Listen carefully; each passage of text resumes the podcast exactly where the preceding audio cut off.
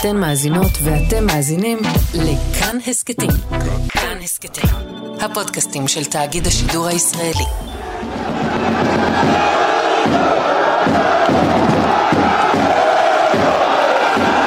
ליונל מסי מנופף להמוני אוהדים מחלון שדה התעופה עם טישרט לבנה פשוטה שעליה כתוב איסי סה פארי.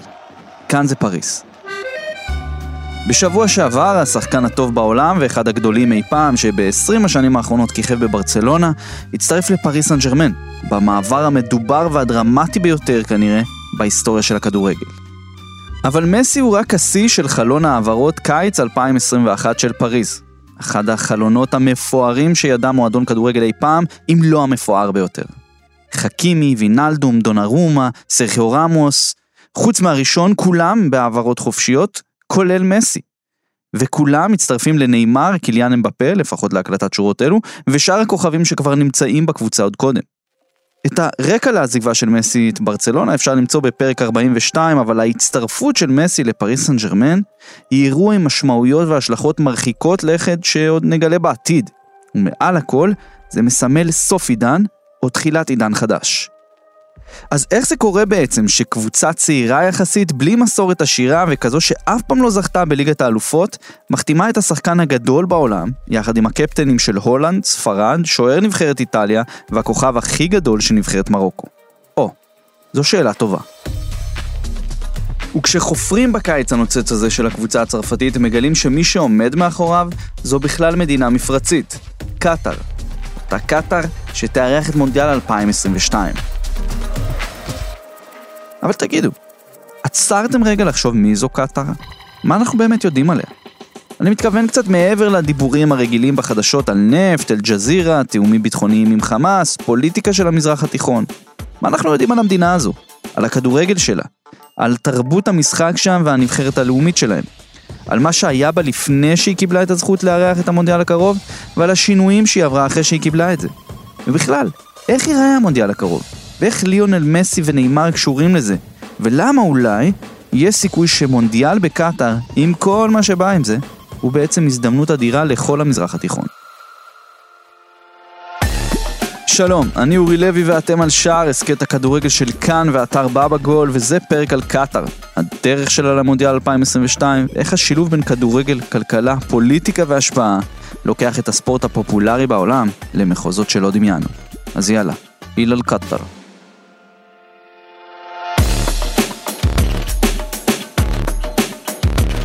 קטאר. נסיכות קטנה בצפון חצי האי ערב, שיחסית לעובדה שמדובר בחצי אי קטן שגובל בסעודיה ומוקף במי המפרץ הפרסי, מדובר במקום שמייצר הרבה מאוד עניין ורעש. בעולם העתיק הייתה קטאר בעיקר נמל ומוקד סחר חשוב, ומקור מוביל לפנינים ולצבע ארגמן. אבל החל מהמאה ה-19, בדומה לאזורים רבים במזרח התיכון, קטאר הייתה מסופחת לאימפריה העות'מאנית. מאוחר יותר לבריטניה, שעשתה מחצי האי שטח חסות, מה שנקרא פרוטקטורט. מאז שגילו בה מצבורי נפט וגז אדירים ב-1939, המקום התחיל להתנהל אחרת ברמה הכלכלית. ב-1971 קטאר הכריזה על עצמאות, ומאז עומדים בראשה שושלת שבט עת'אני, שושלת סונית והאבית, זרם שמרני מאוד של אסלאם חליג'י, מפרצי. ב-1995 השייח' חמד בן חליפה עת'אני ירש את אביו, שייח' חליפה, ובתוך זמן קצר קטאר, מדינה מוסלמית מסורתית כאמור, החלה לעבור תהליכי מודרניזציה מואצים. תשתיות, גורדי שחקים אדירים, חקלאות, תקשורת, כשהכל נשען על הגז והנפט הטבעיים שהם קודחים. עד 2010, קטאר הפכה להיות המדינה העשירה בעולם פר ראש. מעבר לזה שהתברכה במצבור כמעט בלתי נגמר של משאבי טבע שמזיזים את העולם, התנופה הזו התאפשרה בעיקר בזכות העובדה שבקטאר, בדומה לעוד מדינות מפרציות, רוב האוכלוסייה, כמעט 90 אחוזים, מורכבת מזרים, עובדים זרים. כן, כן, המדינה קטאר נעה על גבי מהגרים מהודו, נפאל, בנגלדש ועוד, שמהווים את הידיים העובדות של המקום הזה כבר דור שלם ויותר. ותכף נחזור לזה. עם הצמיחה ועם הכסף, באה גם ההשפעה. וככה קטאר, הפכה להיות גם כוח משמעותי במזרח התיכון. עד השנה קטאר הייתה בית לאחד הבסיסים הצבאיים האמריקאים הגדולים ביותר בחצי הכדור המזרחי, אבל בו זמנית גם הייתה מעורבת בתמיכה בתנועות מחאה באביב הערבי במדינות ערב השונות, כמו למשל האחים המוסלמים. דברים כאלה הוציאו לקטאר שם של מדינה שמשחקת בכל המגרשים, ורוכשת לעצמה תומכים ואויבים מכל הצדדים. ולמרות שבין ישראל לקטאר אין יחסים דיפלומטיים רשמיים כביכול ובתקשורת הרבה פעמים קטאר תצטייר כאויב, לפי מקורות שונים יש שיתוף פעולה רציני בינינו לבין הקטארים, שמהווה חלק אינטגרלי בהתנהלות של ישראל במזרח התיכון. כאחת המדינות העשירות בעולם, קטאר רוצה להוכיח השפעה ולהפגין כוח בכל מיני תחומים. ואחד המגרשים המרכזיים של קטאר להפגנת כוח הוא הכדורגל. וזה קורה כל הזמן. דרך ההכנות למונדיאל, במגרשים שכונתיים בדוחה ובמדינות מתפתחות, דרך אצטדיון דוחה של בני סכנין שנבנה במימון קטרי, ועד הרמות הגבוהות ביותר של הכדורגל האירופי. ולפני שנסביר מה זה ואיך בדיוק זה קורה, צריך להבין איך הגיע הכדורגל לקטאר, מי משחק אותו שם, איזו תרבות כדורגל יש שם ואיך היא מתפתחת.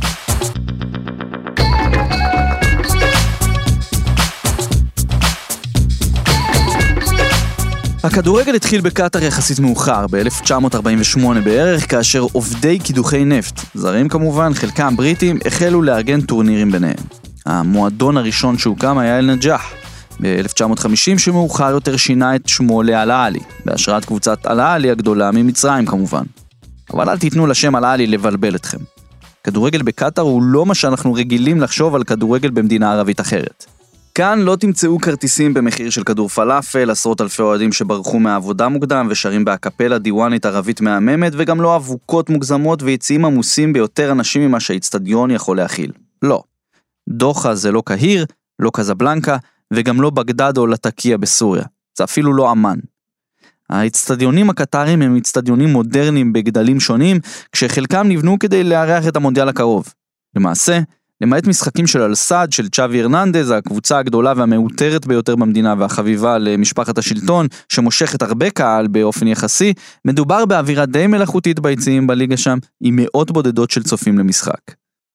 פעם קטאר הייתה יעד לשחקנים צעירים מוכשרים בתחילת דרכם.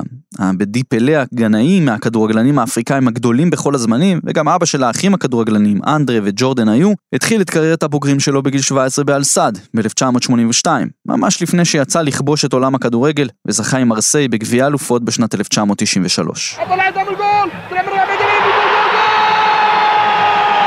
אבל זו לא הייתה תופעה רחבה. הבדי פלא היה מהבודדים שעשו את זה. עד תחילת שנות האלפיים, לא הרבה אנשים ידעו בכלל שיש ליגה מקצוענית שרצה בקטאר. אבל בתחילת המילניום הנוכחי, פתאום התחילו לנחות שחקנים בעלי שם עולמי לעונות אחרונות בקריירה, והרבה עיניים התחילו להתבונן על הכדורגל שמשוחק בפנינסולה, ובעיקר בכסף שמשלמים שם. האחים דה בור, רונלד ופרנק, כמו גם ארסל דסאי, פפ גוארדיולה וגבריאל בטיסטוטה, היו מהשמות הראשונים שנחתו במדינה, ובמידה רבה מה שסייע רבות בעיצוב, ובעיקר ביצירת הבאז של הכדורגל בקטאר. זה עזר קצת, כי עד אז האנשים בקושי ידעו להגיד איפה קטאר נמצאת על המפה, ופתאום הם התחילו לדקלם שמות של קבוצות משם. בקטאר עצמה, זה עזר להביא קצת קהל למגרשים. עד היום המשחקים הגדולים בליגה, כמו למשל אלסד נגד אל-ריאן, או אלסד נגד אל-דוחייל, יכולים למשוך קהל של למעלה מעשרת אלפים איש, אבל ברוב המשחקים בליגה הבכירה, ה-QSL, Qatar Stars League, נוכחים פחות מאלף צופים ביציעים במשחק בממוצע. לאורך השנים היו קבוצות, בעיקר הקטנות שבהן, שהיו משלמות לאוהדים, כדי שיגיעו לעודד. כן, כן, מה ששמעתם, אוהדים בתשלום. זו אגב תופעה שמופיעה במדינות מפרציות ללא תרבות האדם משמעותית ומסורתית. קטארי כזו, כמו גם איחוד האמירויות ובחריין, לעומת כווית או סעודיה כמובן, ששם הכדורגל, הקבוצות הגדולות והליגה המקומית זורמים הרבה יותר עמוק בפולקלור המקומי.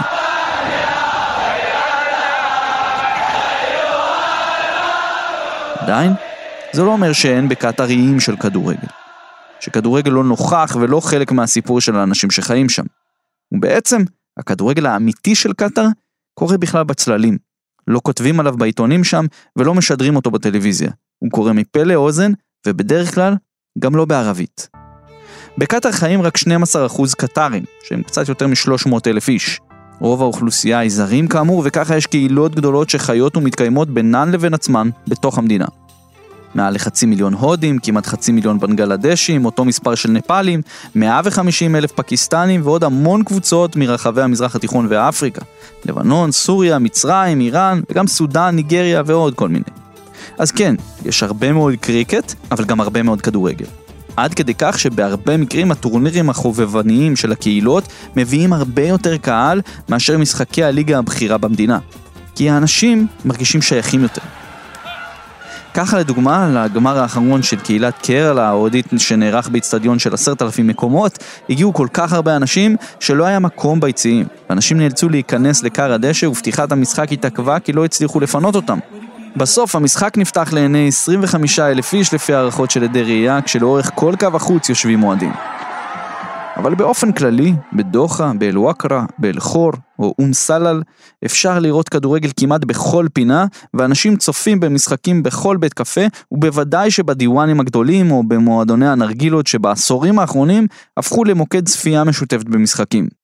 המקומות האלו משמשים כמוקדים של תרבות כדורגל קטרית, אם אפשר לקרוא לזה ככה. אחד מבתי הקפה המפורסמים באל-חור נקרא הנאבי 92, על שם גביע המפרץ שקטאר זכתה בו באותה שנה, שגם היה התואר הראשון אי פעם של נבחרת הבוגרת.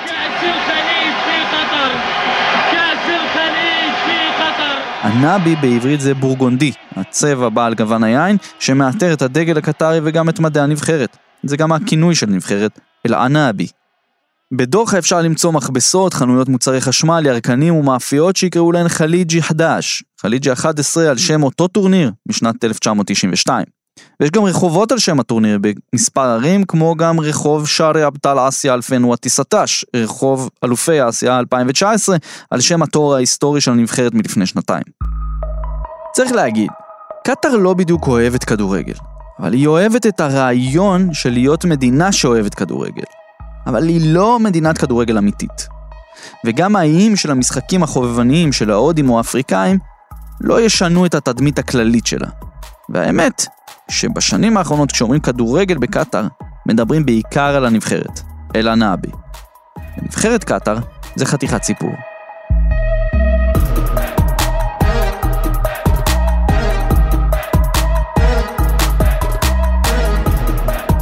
ארצות הברית, סוף החודש שעבר. אז דבר מוזר מאוד קרה בעולם הכדורגל. It's away, team, and this rolled outside. Caught between the feet, and this is an incredible start for Qatar. נבחרת קטאר, אלופת אסיה, העפילה לחצי גמר גביע הזהב בארצות הברית. כן, כן, נבחרת מזרח תיכונית מתחרה באליפות צפון אמריקה. אפילו מצטיינת בה. כן, נו, רשמי. אומר לכם, מה שמעתם. ומה עומד מאחורי זה? כשזוכים באירוח מונדיאל מעבר לתשתיות, אצטדיונים וכדומה, חשוב מאוד לוודא שיש גם נבחרת נורמלית שתדע לנצל את המאורע להופעה ביתית מכובדת, ולא חלילה לעשות דרום אפריקה. לארח מונדיאל ולהיות מודחת כבר בשלב הבתים. וככה קטאר, שמעולם לא השתתפה במונדיאל, לא רוצה שיקרה לה מה שקרה לה בפאנה בפאנה. בגלל זה, בשנים האחרונות היא מתארחת בטורנירים בינלאומיים ומנסה להשיג את מה שאף פעם לא היה לה. ניסיון במשחקים רשמיים נגד נבחרות מיבשות אחרות.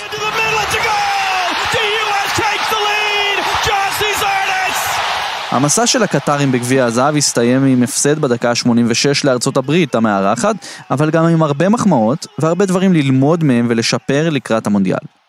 התופעה הזו היא רק חלק קטן מתוכנית ענקית של קטאר, ליצירת מדינת כדורגל חדשה. מזה 20 שנה כמעט שקטאר מייצרת דור שלם של ספורטאים בכל הענפים, ובתוכם כדורגלנים, די מאפס. זה קורה באמצעות השקעה ממשלתית חסרת תקדים באקדמיה למצוינות בספורט בשם אקדמיית אספייר. אספייר נוסדה בשנת 2004 וכיום היא אחד ממוסדות החינוך הגופני המובילים במזרח התיכון ובעולם כולו. המדליסט האולימפי המוזהב של קטאר באולימפיאדת טוקיו, מוטס ברשם, הקופץ לגובה, גדל באספייר. הוא וגם שבעה משחקני סגל הנבחרת הקטרית הבוגרת. השאר גדלו באלסד שהייתה מחוברת ישירות לאספייר במשך שנים במסגרת שיתוף פעולה. פחות או יותר באותו הזמן שכוכבים עולמיים מזדקנים רק החלו לפקוד את הליגה הקטרית, במקביל, דרך האקדמיה הזו, קטאר החלה בייצור דור חדש של כדורגלנים. מתוך מחשבה על רגע שיא מסוים, על הישג כלשהו, על המונדיאל. אספייר ריכזה מומחי כדורגל עולמיים, בייחוד מספרד, בייחוד מברצלונה, שיבנו עבורם את דור הכדורגל המושלם. במקביל הם קיימו מבצע scouting עצום במדינות מתפתחות באפריקה, אסיה ודרום אמריקה, במסגרתו הם צפו ובחנו כשלושה וחצי מיליון ילדים. כן, כל ילד שנבחר קיבל מלגה מלאה, מגורים, סכום כסף למחיה, אלפי דולרים למשפחה, והכל, כך לפי אנשי אספייר, לעזור לילדים מהמדינות האלו ולתת לקטרים הצעירים להתאמן ולהתפתח לצד כישרונות על בני גילם מכל העולם. אבל היו לזה עוד סיבות. במשך שנים קטאר הייתה מאזרחת כדורגלנים זרים כדי שילבשו את המדים שלה. שמות כמו סבסטיאן סוריה האורוגוואי, רודריגו טבטה הברזילאי היפני ואחרים ששיחקו בליגה כמה שנים קיבלו אזרחות וייצגו את הנבחרת. המטרה הייתה לסיים את התופעה הזו ולדאוג שקטאר תייצר בעצמה ספורטאים ברמה בינלאומית. וימי המתאזרחים כמעט נגמרו. כיום כוכבי הנבחרת הם אכרם עפיף, שגדל באספייר, עבר בוויה ריאל וספורטינג חיכון הספרדיות והיום מנהיג את אלסד. איתו נמצא גם אלמועז עלי מאלדוחיל, יליד סודאן עם אימא שנולדה בקטאר, גם תוצר של אספייר, שהוא השחקן היחיד בעולם שכבש שערים באליפות אסיה, באליפות דרום אמריקה ובאליפות צפון אמריקה.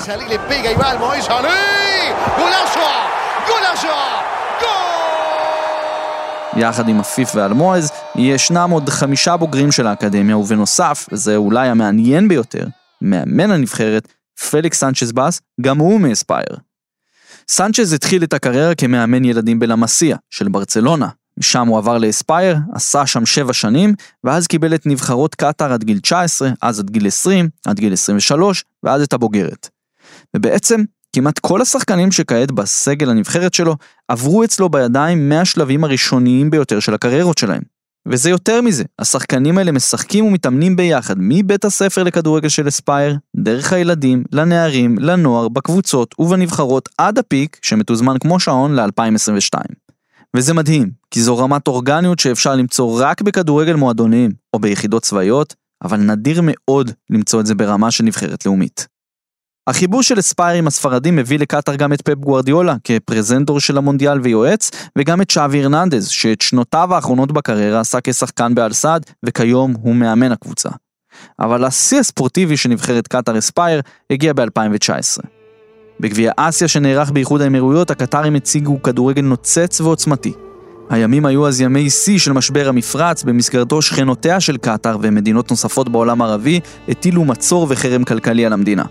אוהדים קטרים לא הורשו להיכנס לאיחוד האמירויות, והאנטי ששרר בטורניר לנבחרת קטאר קיבל ביטוי לכל אורך המשחקים.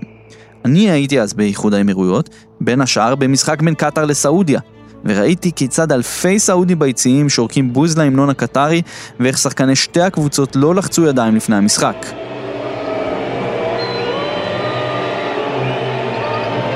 זה לא הפריע לקטרים, נהפוך הוא. הם ניצחו 2-0 עם הצגה של אלמועז עלי והפילו לנוקאוט. בחצי הגמר, התופעה הזו רק התרחבה.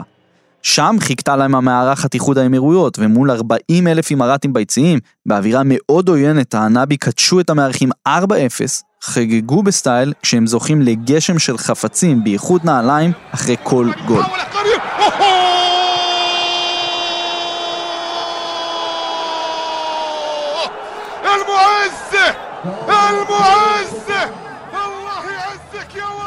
בגמר, קטאר פגשה את יפן החזקה וספגה גם שער ראשון בטורניר, אבל זה לא עשה רושם על סנצ'ס והשחקנים שלו. אלמועז ועפיף שוב חגגו, ניצחו 3-1 ועשו את מה שאף נבחרת קטארית לא עשתה מעולם. להניף את גביע אסיה. מנקודה זו רבים בעולם הכדורגל הפסיקו להסתכל על נבחרת קטאר בביטול ובזלזול. פתאום רכשו להם קצת יותר כבוד מקצועי, אבל הם הפכו להיות הנבחרת שמושכת הכי הרבה אש וביקורת על זה שהם קונים את השיפור שלהם בכדורגל בכסף. מה שנכון אגב, אבל גם כסף צריך לדעת להשקיע. לקטרים כל זה לא הפריע. הם פשוט התכנסו עוד יותר למוד של העולם כולו נגדנו, ככה הם גם שידרו את זה על המגרש, והמשיכו בתוכנית העל שלהם אל עבר המונדיאל. הם השתתפו בקופה אמריקה 2019 ועשו זאת בכבוד עם תיקו 2-2 עם פרגוואי והפסדים דחוקים אחרי יכולת לא רעה בכלל לקולומביה וארגנטינה. וממש השנה כאמור בגביע הזהב הם הוכיחו שלמעט ארצות הברית ומקסיקו אין נבחרות טובות מהם בצפון אמריקה. לפחות נכון לעכשיו. אז נראה שהם יגיעו מוכנים למונדיאל 2022 ואם עקומת השיפור שלהם תמשיך אל תוך הטורניר הם גם ממש לא יהיו בשר תותחים שם. אבל לצד הפרויקט המרהיב והמדהים הזה של אספייר והצמיחה האדירה של נבחרת קטאר, יש איזה פיל בחדר שלא מפסיק לחזור ולהטיל צל על הסיפור הכדורגל הדי מדהים הזה. איך קטאר זכתה באירוח מונדיאל 2022?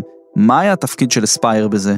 ומה קורה שרוצים לבנות תשתית אצטדיונים למונדיאל כזה, שפשוט לא הייתה קיימת במדינה?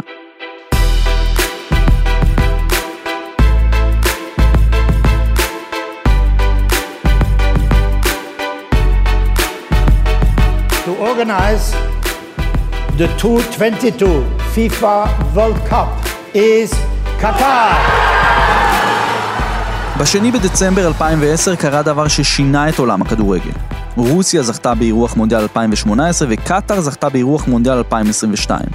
המונדיאל הראשון אי פעם במזרח התיכון, המונדיאל הראשון אי פעם במדינה ערבית, וההחלטה הזו גררה ביקורת וגינויים מכל רחבי העולם. בעיקר בקרב מדינות מערביות. הטענה הרווחת הייתה שאירוח חגיגת הכדורגל העולמית שמתקיימת אחת לארבע שנים במדינה קטנטנה עם פחות משלושה מיליון תושבים, ואסור לשתות בירה או כל סוג של אלכוהול במקומות ציבוריים, שלהיות להט"ב שם נחשב עבירה על החוק, ובקיץ הטמפרטורות מגיעות שם לפעמים ל-50 מעלות צלסיוס. אז בעוד האלכוהול יהיה אפשר לצרוך בלובי של בתי המלון ובפנזונים במונדיאל, וכנראה שלא ייכנסו להעדפותיו המיניות של כל אוהד כל עוד הוא לא עושה את זה באמצע הרחוב בדוחה, את עניין החום הם יתקשו לפתור. אז מעבר לבנייה של אצטדיונים ממוזגים שיכולים לייצר סביבה של 21-25 מעלות צלסיוס, גם אם בחוץ 30-35, הוחלט שהמונדיאל יועבר לנובמבר-דצמבר, לחורף, תוך כדי שהוא משבש לחלוטין את לוח השנה של כדורגל המועדונים. וזה לא נעצר פה. ב-2013 התפוצצה פרשת קטרגייט, בה הועלו חשדות כבדים שבכירי פיפ"א שוחדו בסכומי עתק והטבות אחרות, ביניהן גם הקמה של סניפי אספייר במדינות מסוימות בתמורה לתמיכה בקטאר לאירוח הטורניר. שנתיים אחר כך התפוצצה פרשת השחיתות הגדולה בפיפ"א, פיפ"א גייט, שהביאה לגל מעצרים של בכירים ולהתפטרותו של סב בלאטר, נשיא פיפ"א לשעבר, ורק חיזקה את החשדות. בשנה שעברה פרסם הניו יורק טיימס שמשרד המשפטים האמריקאי אישר את מעשה השוחד בהליך הבחירה בקטאר כמארחת המונדיאל. החשיפות האלה הראו את הצד המכוער של אירוח וקיום טורנירים גדולים.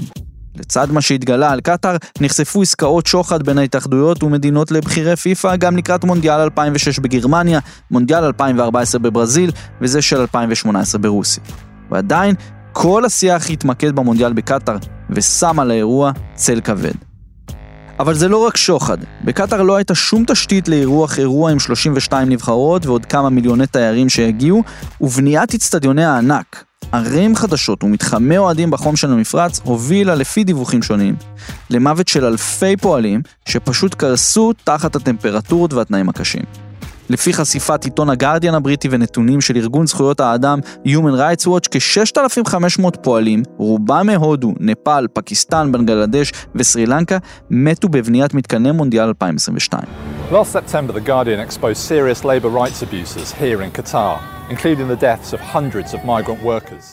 זה מספר מטלטל. רובם, כך דווח, מתו מהתקפי לב, שלפי הערכות נגרמו כתוצאה מעבודה תחת החום הכבד, שלעיתים חצה את קו 50 המעלות. בנוסף, תנאי העבודה והמחיה נמצאו בתחקירים האלו כלא ראויים, וסווגו על ידי מועצת זכויות האדם של האו"ם כעבדות מודרנית. עכשיו, אין איך להפוך את זה. אין שום דבר בכדורגל ששווה חיים של בני אדם. זה מזעזע. גם בדרום אפריקה, ברזיל ורוסיה, מדינות שלא הייתה בהן תשתית אירוח קיימת לפני שאירחו מונדיאל, עלו סיפורים קשים על מוות של עשרות או מאות פועלים בזמן הבנייה. אבל באף אחד מהאירועים האלו לא הגיע למספר הדרמטי של פועלים שמתו בעבודות בקטאר. אף אחד. בתחילת העבודות על המונדיאל הייתה מונהגת בקטאר מערכת הקפאלה, דבר שנהוג בעוד הרבה מדינות במפרץ.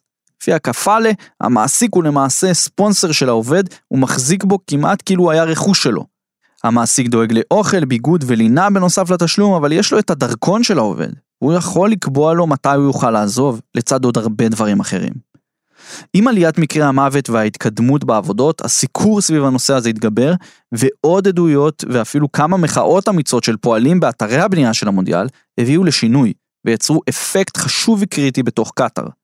ב-2016, בצעד די היסטורי, קטאר ביטלה את מוסד הקפאלה, הוציאה את שיטת ההעסקה הזו מחוץ לחוק וחוקקה חוקי בנייה שעומדים בקנה אחד עם התקנים של האיחוד האירופי. Qatar has announced plans to completely scrap its restrictive migrant permit system that's long been criticized by human rights activists for being a form of modern slavery באתרי הבנייה של המונדיאל התנאים של הפועלים שודרגו, וגם אחוזים שלהם מול חברות הבנייה עברו עריכה והתאמה.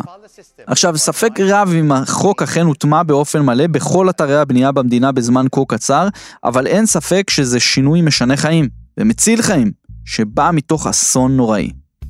ביקורת נוספת שהייתה נגעה לשאלה מה הטעם באיצטדיוני ענק כאלו במדינה שמעמידה ממוצע צופים כה נמוך בשגרה, שזה טיעון נכון, וגם פה נמצא פתרון. חלק מהאצטדיונים שנבנו הם מחומרים מתכלים וניתנים לפירוק והרכבה וכבר נמכרו למדינות במערב ומרכז אפריקה ויעברו לשם אחרי המונדיאל. אין ספק שכל הדברים האלה, השחיתות, הפועלים, זכויות האדם, מטילים צל כבד על המונדיאל הקרוב, אבל כמו שאומרים, הקטר כבר יצא מהתחנה. לא נראה שמשהו או מישהו יעצרו אותו מלהתקיים. רק זה מדגיש עד כמה הביקורת שהושמעה ועודנה היא קריטית, כי עזרה לשפר את תנאי הפועלים באתרי הבנייה, ולעשות שינוי של ממש בחוקים ובחיים של הפועלים בקטאר.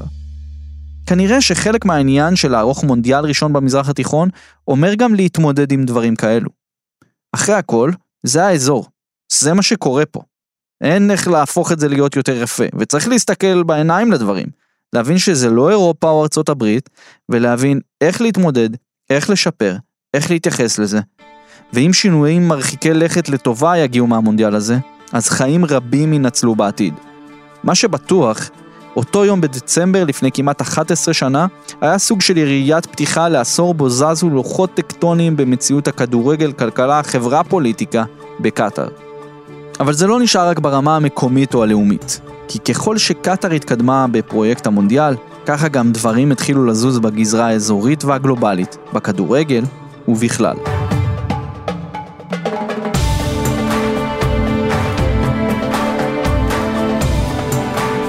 כשהזכרנו בתחילת הפרק את פריס סן ג'רמן ומסי, את ההגעה של הכוכבים המזדקנים והקמת אספייר בתחילת שנות האלפיים, או את נבחרת קטאר בגביע הזהב השנה, אמרנו שהכל היה שלבים בדרך למטרה אחת. המטרה להפוך את קטאר למוקד ספורטיבי עולמי, דבר שייתן למדינה הזו כוח והשפעה ויעניק לה תדמית נוצצת ואחרת, רחוקה ממוות של פועלים, הפרת זכויות אדם ועוד דברים מהסוג הזה. מה שהרבה אנשים קוראים לו ספורט ווש, ניקוי תדמית באמצעות ספורט. בשפה המקצועית מה שקטאר מנסה להשיג נקרא soft power, כוח רך. על כוח רך דיברנו הרבה בפרק 38 על איחוד האמירויות ופרק 43 על סין. עכשיו, בין קטאר לשכנות שלה במפרץ, איחוד האמירויות ובמיוחד סעודיה, יש תחרות תמידית. והדבר הזה מקבל ביטוי בכל תחום, טכנולוגיה, מדעים, כלכלה, תרבות, חינוך, פוליטיקה וכמובן, כדורגל. Nasser Al-Khelaifi, 37 ans, est le nouvel homme fort du Paris Saint-Germain. Ami personnel du prince héritier le cheikh Al-Thani, il est devenu président de la télévision Al Jazeera Sport. פחות משנה אחרי שזכתה באירוח מונדיאל ב-2011, QSI, קרן ההשקעות הספורט של קטאר, רכשה את פריס סן ג'רמן. זה לא קרה סתם. רק כמה שנים קודם לכן, ב-2008, משפחת אל נהיאן מאבו דאבי שבאיחוד האמירויות רכשה את מנצ'סטר סיטי.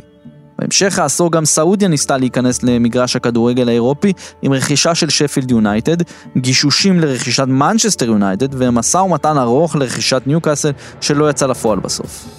היוקרה וההשפעה בעולם המערבי דרך הכדורגל הוא מסלול שעליו רצות מדינות המפרץ כבר מספר שנים עכשיו. מעבר לבעלות על מועדונים, יש את נושא האירוח. גם קטאר, גם איחוד האמירויות וגם סעודיה מארחות עשרות טורנירים בינלאומיים בשנים האחרונות, כמו מונדיאל המועדונים, משחקי ידידות של נבחרות ענק ומשחקי סופרקאפ של ליגות אירופאיות בכירות. אבל קטאר מובילה כרגע בגדול. מעבר לעובדה שהם גם זכו בגביע אסיה על המגרש תוך ניצחונות על השתיים האחרות, העובדה שגביע העולם הראשון בעולם הערבי התקיים אצלה הייתה מכרעת. בסעודיה מנהיגת העולם הסוני והמדינה הערבית הגדולה והמובילה כיום השתגעו מזה. ויש הטוענים שזו אחת מהסיבות שהובילו למלחמה קרה של ממש בין שתי המדינות באמצע העשור הקודם. Saudi Arabia, Bahrain, the UAE, as well as Egypt, have all cut diplomatic ties to Qatar. They've imposed an air, land and sea embargo on the country. ב-2017, שורה של מדינות ערביות בראשות סעודיה ואיחוד האמירויות החרימו את קטאר בין השאר על מה שהן הגדירו כהתנהגות חתרנית שסיכנה את הריבונות שלהן על בני עמן. בין השאר הם כיוונו לפעילות של רשת התקשורת הקטרית הגדולה אל-ג'זירה ותפקידה במחאות השונות בעולם הערבי. السعودية والإمارات والبحرين تسحب سفراءها من قطر والدوحة تقول القرار مرتبط بخلاف מעבר לחרם כלכלי, עוצר טיסות וסחורות שבידדו את קטאר כמעט לגמרי, הרבה מהמאבק התנהל על גבי העיתונים הגדולים ביותר במערב, באמצעות משרדי יחסי ציבור גדולים בלונדון וניו יורק. כתבות ותחקירים לא מחמיאים על קטאר לקראת המונדיאל התפרסמו חדשות לבקרים בניו יורק טיימס, בגרדיאן וכדומה. כתגובה, כתבות המבקרות את מצב זכויות הנשים והאדם בסעודיה ראו אור בניו יורקר או בדיילי מייל וכך הלאה. וזה כמעט עבד.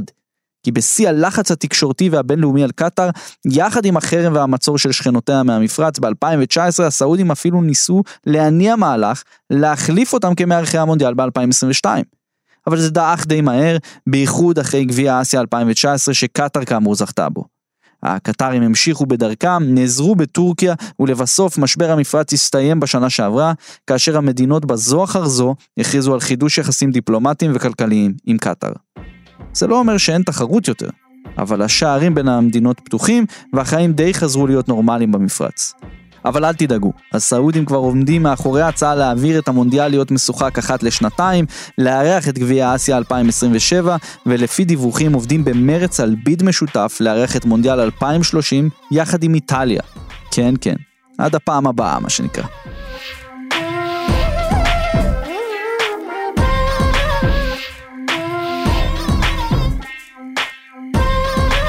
לפעמים זה נחמד להסתכל לאחור ולקבל פרספקטיבה לדברים. בסיפור שלנו היום, אם חוזרים בזמן, מגלים שהכל מתנקז לחודש אחד בשנת 2010. ב-17 בנובמבר ברזיל וארגנטינה קיימו משחק ידידות ראשון מסוגו באיצטדיון חליפה הבינלאומי בדוחה. ליונל מסי בן ה-23 ונאמר בן ה-18 על הדשא. לראשונה בתולדות המזרח התיכון, היריבות הכי גדולה בדרום אמריקה, משוחקת בחצי אי במפרץ הפרסי. ميسي يدخل منطقة الجزاء ميسي يسجل الهدف ميسي يحقق الانتصار للأرجنتين في الدقيقة الحادية والتسعين חודש אחר כך, קטאר קיבלה את זכויות האירוח של מונדיאל 2022. 11 שנים עברו בהן קטאר בעקיפין הייתה הספונסר של ברצלונה, רכשה את פריז, סייעה להחתים את נאמר בברצלונה, להעביר את שווי לאלסד, ואז את נאמר לפריז, כשבינתיים ב-2019 צ'אבי הופך למאמן בקטאר, ונבחרת קטאר, עם פליקס סנצ'ז הקטלני על הקווים, זוכה בגביע אסיה. עם צירופו של ליאונל מסי לפריז, לצד נאמר, נראה שהמעגל הזה קרוב להיסגר והפרויקט הקטרי להפוך למדינה המשפיעה ביותר בעולם הכדורגל, מצליח יותר ממה שהקטרים עצמם דמיינו אי פעם. ואם פריז תזכה בליגת האלופות, והמונדיאל בחורף 2022 יהיה הצלחה, אז בכלל. נכון, קטאר היא לא מדינת כדורגל אמיתית, בשום צורה. והסיבות מאחורי ההשקעה המטורפת שלהם בכדורגל הן חלק ממשחק פוליטי אזורי גלובלי אדיר, שנועד בעיקר לשפר את התדמית שלהם ולהציג אותם כפטרונים של המשחק היפה, שעם הזמן מאבד מהקסם והקשר הישיר שלו להמונים. ועדיין, המונדיאל בקטאר עתיד להיות אחד האירועים המרתקים ביותר בתולדות הכדורגל העולמי. כצפוי מטורניר עולמי ראשון במזרח התיכון, כנראה שהוא ימשיך לסחוב איתו מטען פוליטי בלתי מבוטל. הביקורת תמשיך תוך כדי המשחקים, אבל נבחרת הכדורגל של קטאר ככל הנראה תגיע מוכנה. יהיה עניין. עם וירוס קורונה קשה כרגע להעריך מה יהיו המגבלות על הקהל וכמה אנשים יהיה אפשר להכניס למדינה הקטנטנה הזו לחודש אחד. קטאר כבר הודיע שכניסה למדינה תורשה אך ורק למחוסנים. וכן, לא לדאוג, גם לאוהדים ישראלים מחוסנים לא צפויה שום בעיה להיכנס. יש הרבה דברים שאפשר להגיד על המונדיאל הקרוב ועל קטאר ועל המהלכים שהיא עושה בעולם הכדורגל. חלקם טובים, חלקם רעים, ובעיקר אסור לשכוח את המוות ההמוני של הפועלים באתרי הבנייה של האצטדיונים. אבל לצד הביקורות הבלתי פוסקות והאנטגוניזם שקיים לאירוע הזה, ולדרך שבה קטאר פועלת בעולם הכדורגל, אפשר גם להסתכל על ההזדמנות שהמונדיאל הספציפי הזה יוצר. לנו כישראלים ולמזרח התיכון בכלל. אנחנו חיים באזור עם עושר תרבותי אדיר, עם ערבוב אתני, לשוני ודתי מדהים, עם האוכל הכי טוב והאירוח הכי טוב, והמקום שממנו יצאו בשורות ששינו את העולם. אבל בו זמנית, זה גם אזור מסוכסך מאוד עם אינספור שסעים, הפגנות, מלחמות וקונפליקטים אלימים ואיומים, עם התערבות אינסופית של מעצמות גדולות שקורית ממש עכשיו, חלקם אצלנו פה בארץ. ויש לחץ, כל הזמן יש פה לחץ. עכשיו, אירוע כמו מונדיאל מביא איתו הרבה הזדמנויות. הוא פותח מדינות ואזורים לעולם, הוא משנה אותם. לטוב ולרע זה קורה. תשאלו את ברצלונה, את אתונה, את רוסיה. וכמו שראינו במקרה של קטאר, הוא משנה אותן הרבה לפני שריקת הפתיחה של הטורניר. לארח מונדיאל זה הימור, אבל זה גם צ'אנס, הזדמנות. ובמקרה של המונדיאל בקטאר זו הזדמנות לא רק לנסיכות אחת קטנה, זו הזדמנות לאזור שלם. כי יכול להיות שמונדיאל כזה, במזרח התיכון, דווקא ירגיע רגע. הוא יעזור להנמיך את הלהבות, ליהנות מההיסטוריה שקורית, מהאירוח. יעזור להיפגש רגע, להכיר עוד, דרך הכדורגל.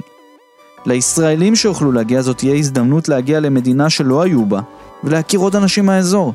להבין פתאום איך אנשים רואים אותנו ומה חושבים עלינו, והאם איך שאנחנו רואים את האזור ואת העמים השכנים אלינו, זה באמת מה שזה במציאות.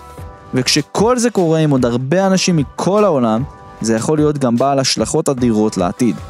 ויכול להיות גם שלא, אבל אולי זו הזדמנות ששווה לקחת.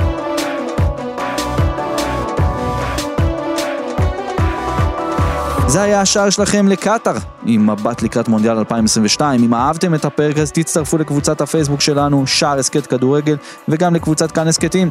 תורידו כאן רכב כדי להאזין לפרק הזה מהאוטו, תוך כדי נהיגה בראש שקט, ובכלל, זה היה פרק מספר 50. אז אתם מוזמנים להעלות תמונות שלכם, מאזינים לפרקים שאתם אוהבים, כאלה שהיו עד עכשיו, ואנחנו נשתדל לשתף את זה בקבוצה, זה יהיה מגניב. אתם מוזמנים לעקוב אחריי לויניניו ואחרי בבגול בכל הרשתות החברתיות ולקבל עדכונים שוטפים על הנעשה בכדורגל העולמי, המזרח תיכוני והישראלי, מזווית קצת אחרת. אז תודה רבה לניר גורלי על העריכה, לרחל רפאלי על הסאונד והמיקס, למערכת כאן הסכתים ולכאן תרבות, אני אורי לוי, ולמרות הכל, ואולי דווקא בגלל, Keep Football Real.